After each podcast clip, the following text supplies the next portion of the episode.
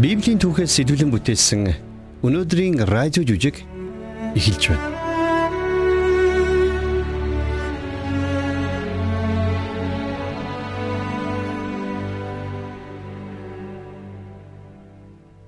Бид өнөөдөр харанхуй шүнж итгэл найдвараар дүүрэн цовруулж үжигийнхээ хүрээнд Библийн Лук номын 22 дугаар бүлгийн 39-с 46 дугаар ишлэлээс сэтвэлсэн Гидсмен цэцэрлэгт ганцаараа гэсэн нэртэй жүжигийг хүлээн авч сонсох болно. Есүс өөрийн орийн дагалдагчдын нэг болох Иохныг энгийн нэгэн загасчнаас гайхамшигтай хүмүүсийн загасчин болгон өөрчилсөн байдаг. Гэхдээ энэ үйл явц ганцхан өдрийн дотор явагдаагүй нь мэдээч. Иохан бусад дагалдагч нарын адил Есүсийг өдөр болгон дагаж түүнийг харж түүнээс суралцж байсан юм.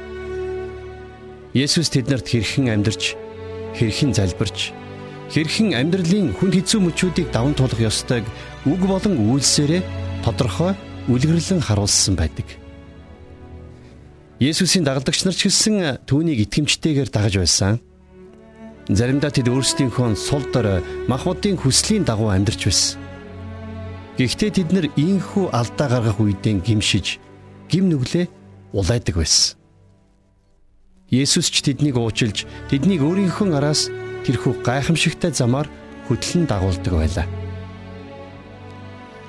Есүс амьдралынхаа хамгийн хүнд хэцүү тэр цаг мөчид Йохан болон бусад дагалдагч нараас өөрийнхөө төлөө залбираарай гэж хүссэн байдаг.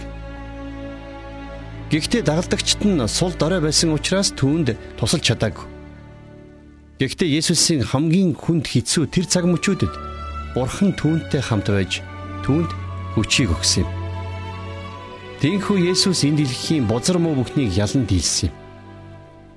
Энийг харсан дагалдагчид нь амьдралын хүнд хэцүү цаг үеүдээ Бурхны хүч чадалд найдаж болох юм байна гэдгийг ухаарсан байдаг.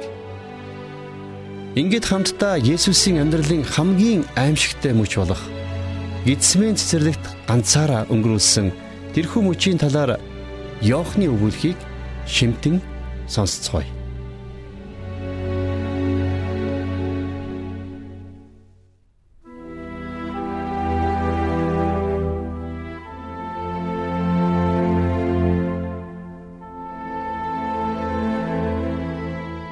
Амьдралыг тань орвонгоор нь өөрчилсөн тийм үйл явдал танд тохиолдож байсан уу?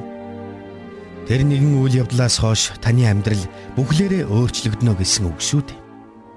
Таны бусадтай харилцах харилцаа, таны амьдралын зорилго, таны ажил үргэж өөрчлөгдөнө гэсэн үг.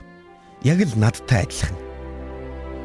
Би тэр нэгэн өдөр гэрээсээ гарахдаа ямар агуу учрал намайг хүлээж байгааг төсөөлөөчгүй юм жирийн нэгэн өглөө байлаа. Би хэрэгтэй зүйлсээ аваад ах Яков эцэг Зебедегийнхээ хамт загасчны завируугаа явсан юм. Тэр өглөө бид өдөр бүр хийж дадсан тэрл зүйлсээ хийж байлаа.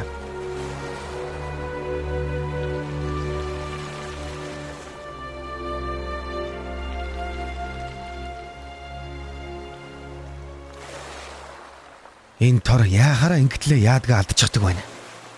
Яков загас барих биш тортойгоо ноцолдсоор байгаад таарлаа шүү дээ. Харин тийм ээ. Тороо угааж янзлсаар байтал бүр залах үрчлээ. Хүүхдүүд минь битгий гой шогноод бай. Том сайн загас барья гэвэл тороо сайн бэлдэх хэрэгтэй байдаг юм шүү дээ. Тороо сайн бэлд. За тийм ээ аваа. Танд хэлэхэд ч амархан байгаа л да. Арайч бас ийм удна гэж бодсонгүй. Бүр залах үрчлээ. Бушуухан далайд гарч загас барих юмсан. Далайн ирэг дээр тортой ноцолдоод суугаад л байл суугаад л байна шүү дээ хамаг цагаа дими үргэдэл. Хүүхдүүд минь дээ. Ямар ч ажил хийх гэж байсан эхлээд сайтар бэлдэх хэрэгтэй байдаг юм. Өөрсдийгөө хүртэл сайтар бэлдэж бэлэн болгох хэрэгтэй. Хэрвээ бэлтгэл муу бол бүтлгүүтгэр гарцаагүй шүү дээ. Тийм ээ аава. Дандаа л таны зүв байдаг шүү дээ. Эцгийн минь сургаал ямар үнэтэй сургаал байсныг бид удалгүй олж мэдсэн юм. Бидний хувьд загас барих биш харин хүмүүсийг загасчлах их ажлын бэлтгэл удалгүй эхэлсэн юм.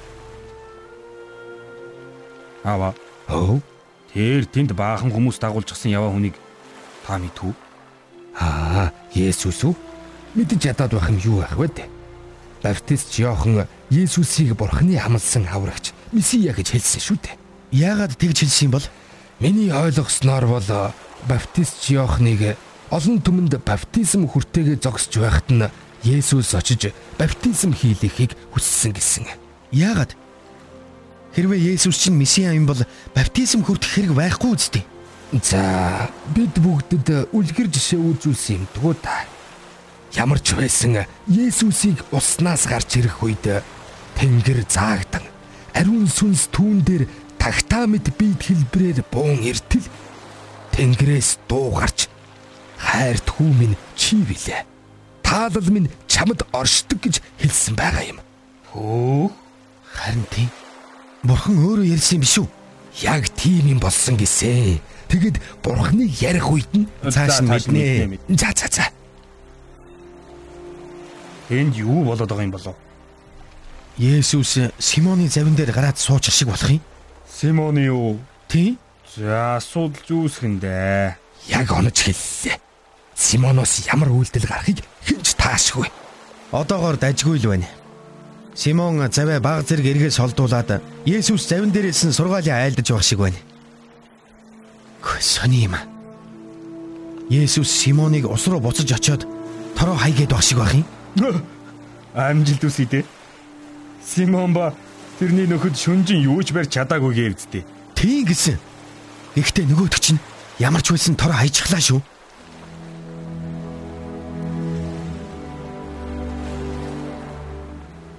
Этгмээргүй юм а Яков. Ямар их заас бариа бэ? Аз болоход тэд тороо хурдан татаж гаргалаа. Хэрвээ тэгээгүй бол заваа хөмрүүлэх байлаа шүү дээ. Харин тэглээ. Уусад завин дээр байгаа нөхдүүдийн шогширч байгааг нь харал та. Петр ч загсыг нэг байрах шиг боллоо доо. Завин загсаа даахгүй живхнэ. Чи дэрийг хардаа. Алиг. Симоныг ингэж өвдөг сөвдөж байгааг амьдралдаа хараагүй юм байна. Та хоёр цалцгаа болж байгаа юм бол тэдний яриаг сонсож болохоор байна штэ. Ээ. Үүнээс хойш чи хүмүүсийг загасчлах болно. Хүмүүсийг загасчлах хаа? Иесус Симонд хүмүүсийг загасчлах болно гэсэн үү? Гар цаагүй тэгэж хэллээ. Симоно. Намайг даг. За за. Симон заваа бүх загастайгаа хайчаад Иесусыг дагаад явчихлаа шүү дээ.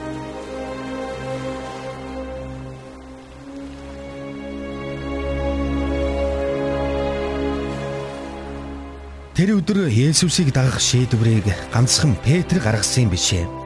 Есүс бидэн дээр ч бас ирж биднийг өөр лүгэ дуудсан юм. Есүсийг дагах ёстой гэдгээ би мэдж байлаа. Тиймээс Яаков бид хоёр ямар ч эргэлзээгүйгээр эцэг Зебедигээ орхиод Есүсийг дагсан юм. Тэр биднийг хаашаа дагуулахыг бид мэдэхгүй байсан ч эргэлзээгүйгээр тэрнийг дагсан юм. Тэр бол бидний аврагч амлагдсан месиа мөн гэдгийг бид мэдж байсан юм. Тэр бол энэ дэлхийд итгэл найдварыг авчрах аврагч мөн гэдгийг бид мэдж байлаа. Тиймээс бид түүний тэрхүү гайхамшигтай мэдээг энэ дэлхийд тараах хүмүүсийг загалчлах тэр боломжийг өгсөн бурханд үргэлж талархдаг. Гэхдээ бидэнд сурах зүйлч их байлаа. Би амийн хуваа хичээсэн, өрсөлдөж бусдаас илүү гарах гэсэн тэр өөдгүү хандлагаа тээсээр байсан.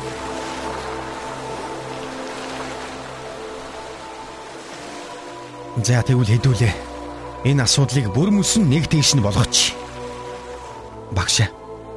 Тэнгэрийн хаанчлалд хэн хамгийн агуу нь байх вэ? Үннээр би та нарт хэлье. Та нар өөрчлөгдөж хүүхдүүдтэй адил болохгүй бол Тэнгэрийн хаанчлалд яавч орохгүй. Иймээс хэн өөрийгөө энэ хүүхэд адил өчүүхэн болгоно тэр нь Тэнгэрийн хаанчлалд хамгийн агуу нь болно. Та нарын дундаас хамгийн өчүүхэн нь хамгийн агуу юм.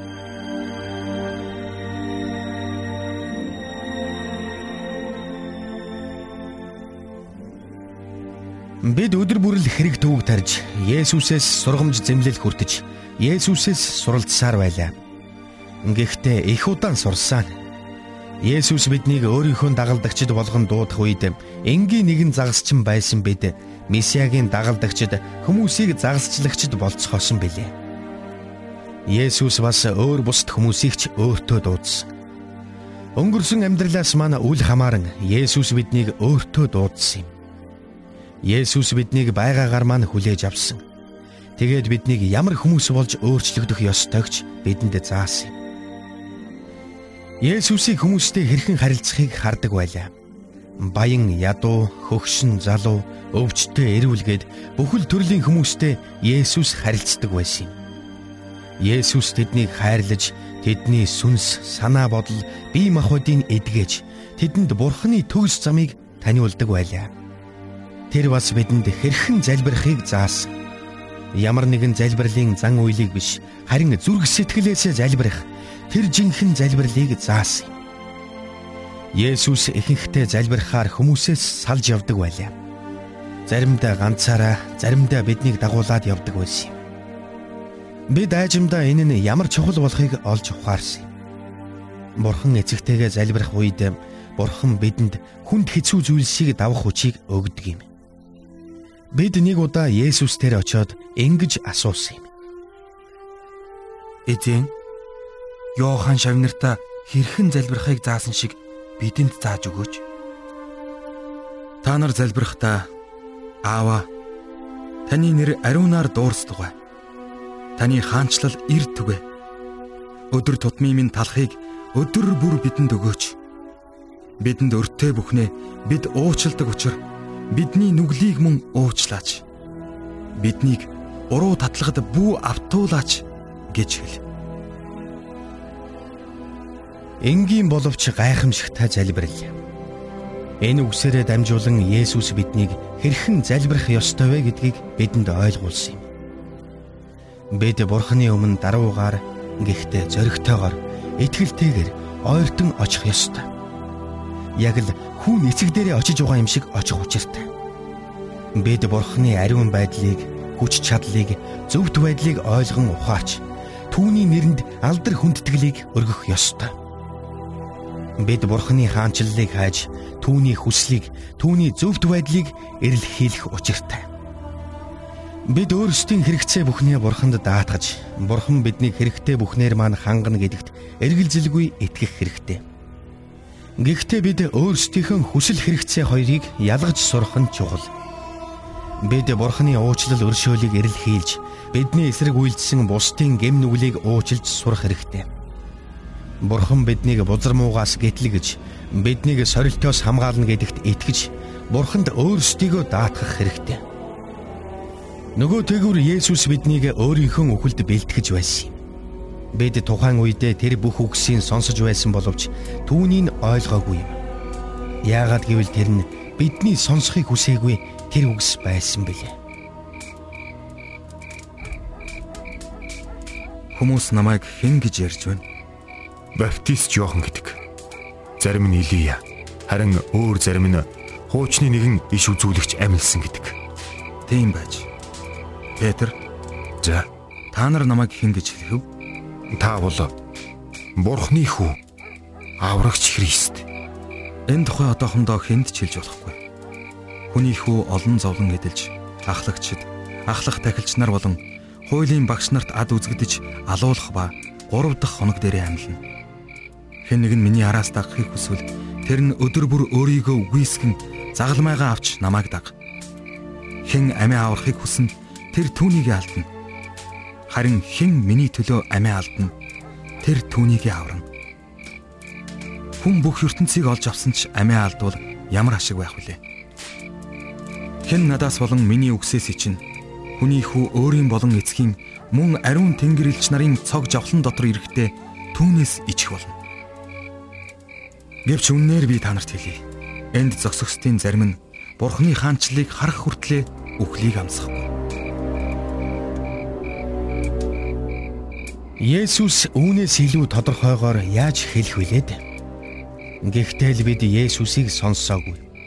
Хэдэн өдрийн дараа Есүс энэ үгээ бидэнд дахин давтан хэлсэн юм. Хүний хүү хүмүүсийн гарт тушаагдах гэж байна. Тэд түүнийг ална. Тэр алагдснаасаа хойш 3 хоногийн дараа амьлах болно. Бид түүний энэ үгийг бас л ойлгоогүй юм. Бас энэ тухай түүнээс тодруулж асуухаасаа эмээж байсан. Дараа нь бид Иерусалим руу явах үед Есүс бидэнд дахин нэг удаа энэ тухайга хэлсэн. Есүс бидэнд эрт цагийн иш үзүүлэгчийн амаар дамжуулан Бурхны айлдсан тэрхүү хатуу үннийг сануулсан.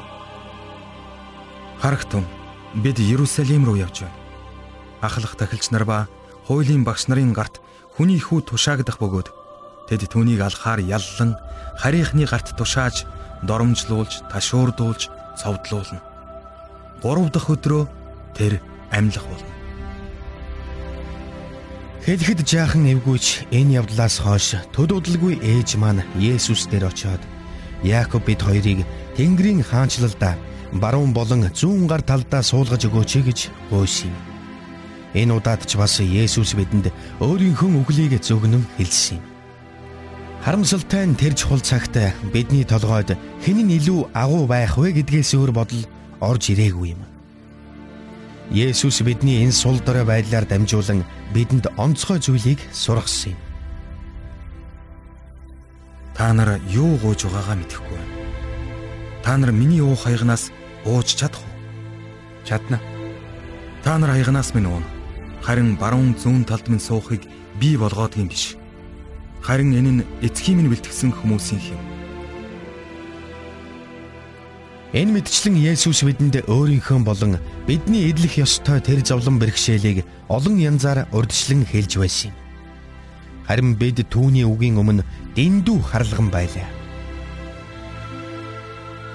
Хожим нь бид түүний энэ бүх үгсийг эргэн санаж, итгэл найдвар, урам зориг авдаг болсон юм да.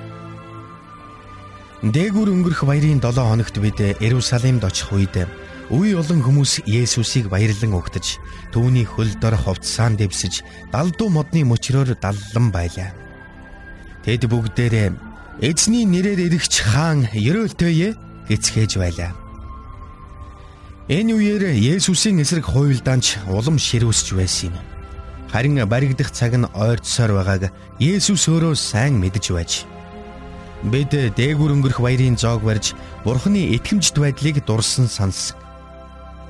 Ингээд дараа нь уламжлал ёсороо Есүс чидүүн уулууд залбирахаар явлаа. Ингэхдээ тэр Петр, Яаков бид гурвыг бусдаас тусдан дагуулan Гетсман цэцэрлэг рүү явсан юм. Тэр шөнө Есүсийн байр байдал үнэхэр онцгой байсан юм. Сэтгэл минь өвтлээ зовж байна.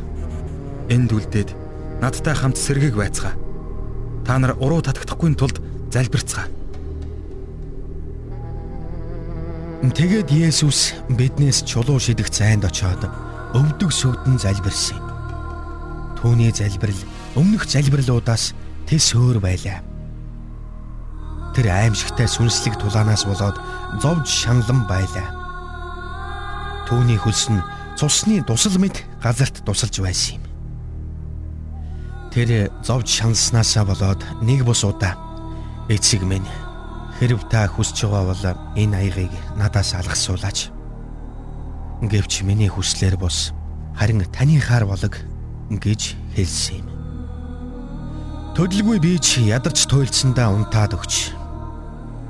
Итгэмээргүй байгаа биз. Би унтчихсан гэд боддоо. Эзэн минь амьдралынхаа хамгийн аимшигтай шөнийг туулж байхад би унтж байсан гэд бодоод үзтээ. Тэгээд биднийг унтж байхад Есүс бидэн дээр ирсэн юм. Та нар надтай ганц ч цаг сэргэг байж чадсангүй юу? Уруу татагдахгүй тулд сэргэг бай. Залбир. Сүнс чухамдаа тэсэн ядаж байна. Харин махбод дорой юм. Есүс дахиад хоёр ч удаа залбирсан юм. Тэр бүрдэнд бид унтаж орхисон. Есүсийн тэр хүнд үед нь дэрэгдэн байж залбирч чадаагүйгээ уучилж чаддгүй юм. Гэхдээ Бурхны Тэнгэр ирж Есүст үйлчилж түүнд хүчийг өгч байлаа. Есүс бидэн дээр гурав дахь удаага ирэхдээ өөрийнхөө өмнөх замтай нэгэнд эвлэрсэн байсан юм. Та нар юунд унтна вэ? Босцоо. Уруу татагдахгүй тулд залбирцгаа Та нар унтж амарсаар л байна уу? Харагтун. Цаг нь хайсвэ. хүний хүү нүгэлтнүүдийн гарт тушаагдж байна. Бос. Явцгаая. Харагтун. Намайг бариулагч айсвэ. Яг тэр үед бидний нэг болох Иудаас цэцэрлэгт хурч ирсэн юм. Ингэхдээ тэр үе олон хүмүүсийг дагуулж ирсний дотор бүрэн зэвсгэлсэн зэргүүдч байлаа. Тэд Есүсийг баривчлахаар ирсэн нь тэр байв. Тэр шөнөөс хойш болж өнгөрсөн бүх үйл явдал донд Есүсийг баривчилж, доромжилж, зодож, жанчиж, шудраг усаар шүүж, цовдлох тэр бүх үйл явдлын донд Есүс огтхонч чичирч ухраагүй юм. Бурхныг магтъя. Загалмайч тэр, сатаанч тэр бидний эзэн Есүсийг ялан дийлж чадаагүй. Есүс өөрийнхөө хамгийн харанхуй шөнийг тэрхүү Гетсман цэцэрлэгт өнгөрүүлсэн бэлээ. Дараа нь тэр загалмай дээр амиа өгсөн.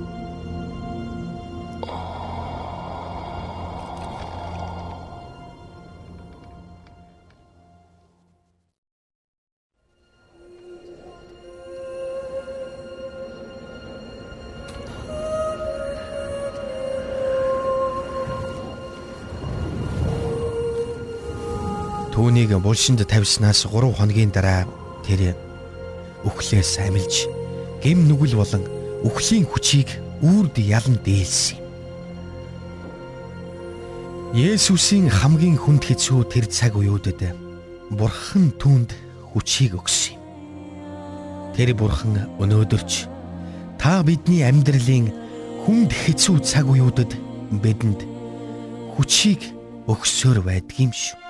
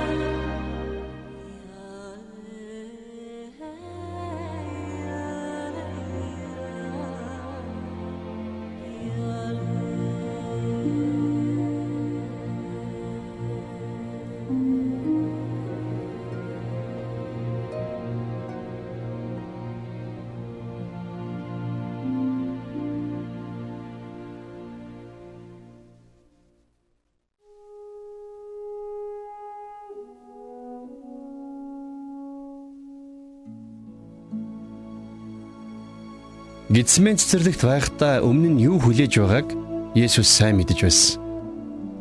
Тэр мэдээж зовж шаналхыг хүсээгүй.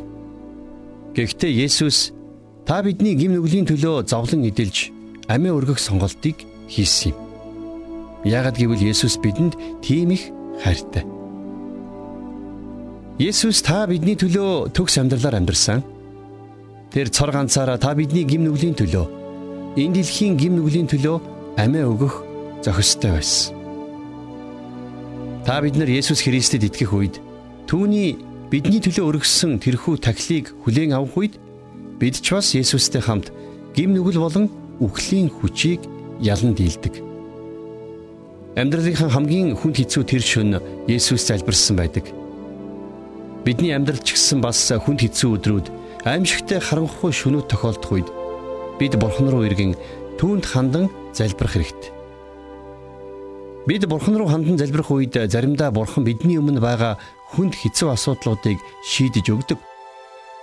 Харин заримдаа Бурхан бидэнтэй хамт тэр бүх хүнд хэцүү асуудал дундуур туулан гардаг.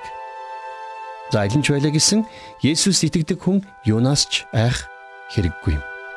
Бурхан бидэнд хүч чадлыг өгөх болно. Бид Есүс Христийг аврагчаа болгон хүлээн авч Есүсийг дагаж амьдрахаар шийдэх үед гим нүглийн уучлал болон мөнхийн амьдралыг хүлээн авдаг.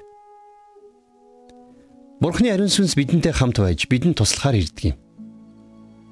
Библиэлд сүнс бидний сул дорой байдалд тусалдгаа гэж маш тодорхой бичсэн байдаг. Бурхан биднийг Христэд итгэх итгэл дотроо өсөөсэй. Итгэлээр хүчтэй болоосой гэж хүсэж байдаг юм. Бид Библийг өдөр бүр унших үедээ итгэлээрээ өсч байдаг. Бурхны үг бидэнд хэрхэн амьдрах ёстойг зааж сургадаг. Бас бид нар өдөр бүр Бурханд хандан залбирх үедээ итгэлээрээ өсч байдаг юм.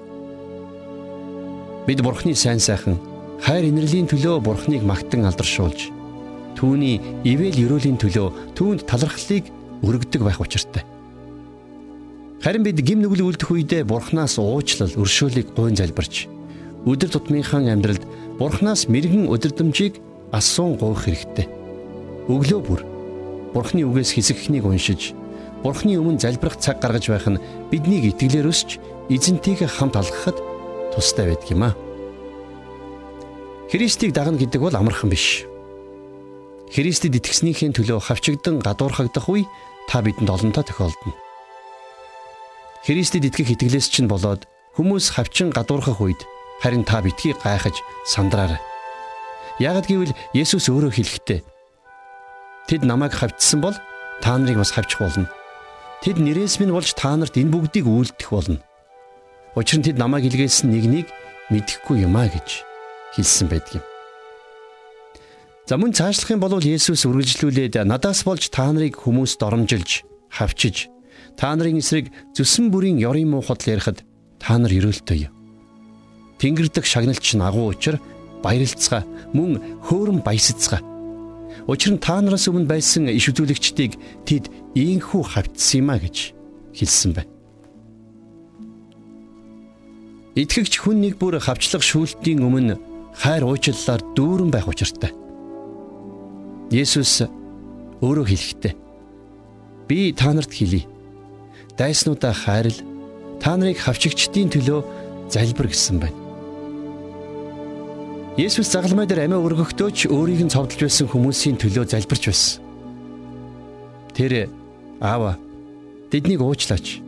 Учир нь тэд юу хийж байгаагаа мэдэхгүй байна гэж залбирч байсан. Та бидний амьдралд хавчлага дарамт ирэх үед Бурхан бидэнтэй хамт байдаг. Бидний амьдралд тулгарх асуудал бүрийг Бурхан сайн мэдэж байдаг. Библиэлд би чамайг хизээч орхихгүй мөн хаяхгүй гэж Бурхан амласан байна. Бурханы амьд оршихуй бидэнтэй хамт байгаа учраас бид Библиэлд бичигдсэнчлэн зөрөгтэйгоор эзэн бол миний туслагч би айхгүй хэн надад юу хийж чадах вэ гэж тунхаглаж чадах билээ.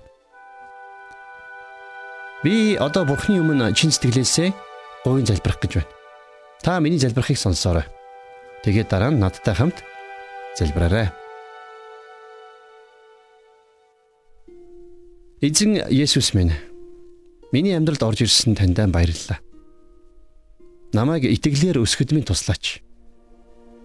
Амьдралд минь хавчлага дарамт ирэх үед намайг хүчтэй байхад туслаач. Та намайг хизээч ганцааран минь орхихгүй гэж амласан учраас танд маш их баярлалаа. Өнөөдөр итгэлээсээ болоод хавчигдан зовж байгаа итгэлийн ахан дүүсийг минь хаа байгаа газарт нь та хамгаалan сахиж өгөөрэй. Есүсийн нэрээр залбирлаа.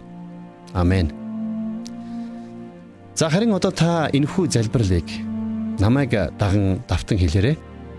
Харин ингэж хэлэхдээ та өөрийнхөө чин зүрхнээсээ бурханд хандан хэлээрэй. Есүс минь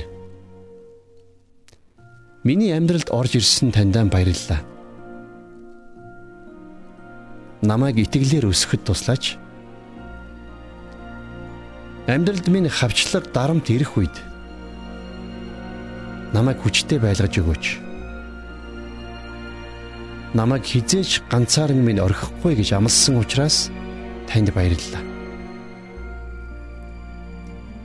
Өнөөдөр итгэлээсээ болоод хавчигдан зовж байгаа Итгэлийн ахан дүүсийг минь та хаа байгаа газарт нь хамгаалж өгөөрэй. Есүсийн нэрээр залбирлаа. Амен. Надтай хамт энэхүү залбирлыг хийсэн танд баярлалаа. Бурхан таны итгэлийн амьдралыг харамгүйгээр ерөөн сахих болтугай.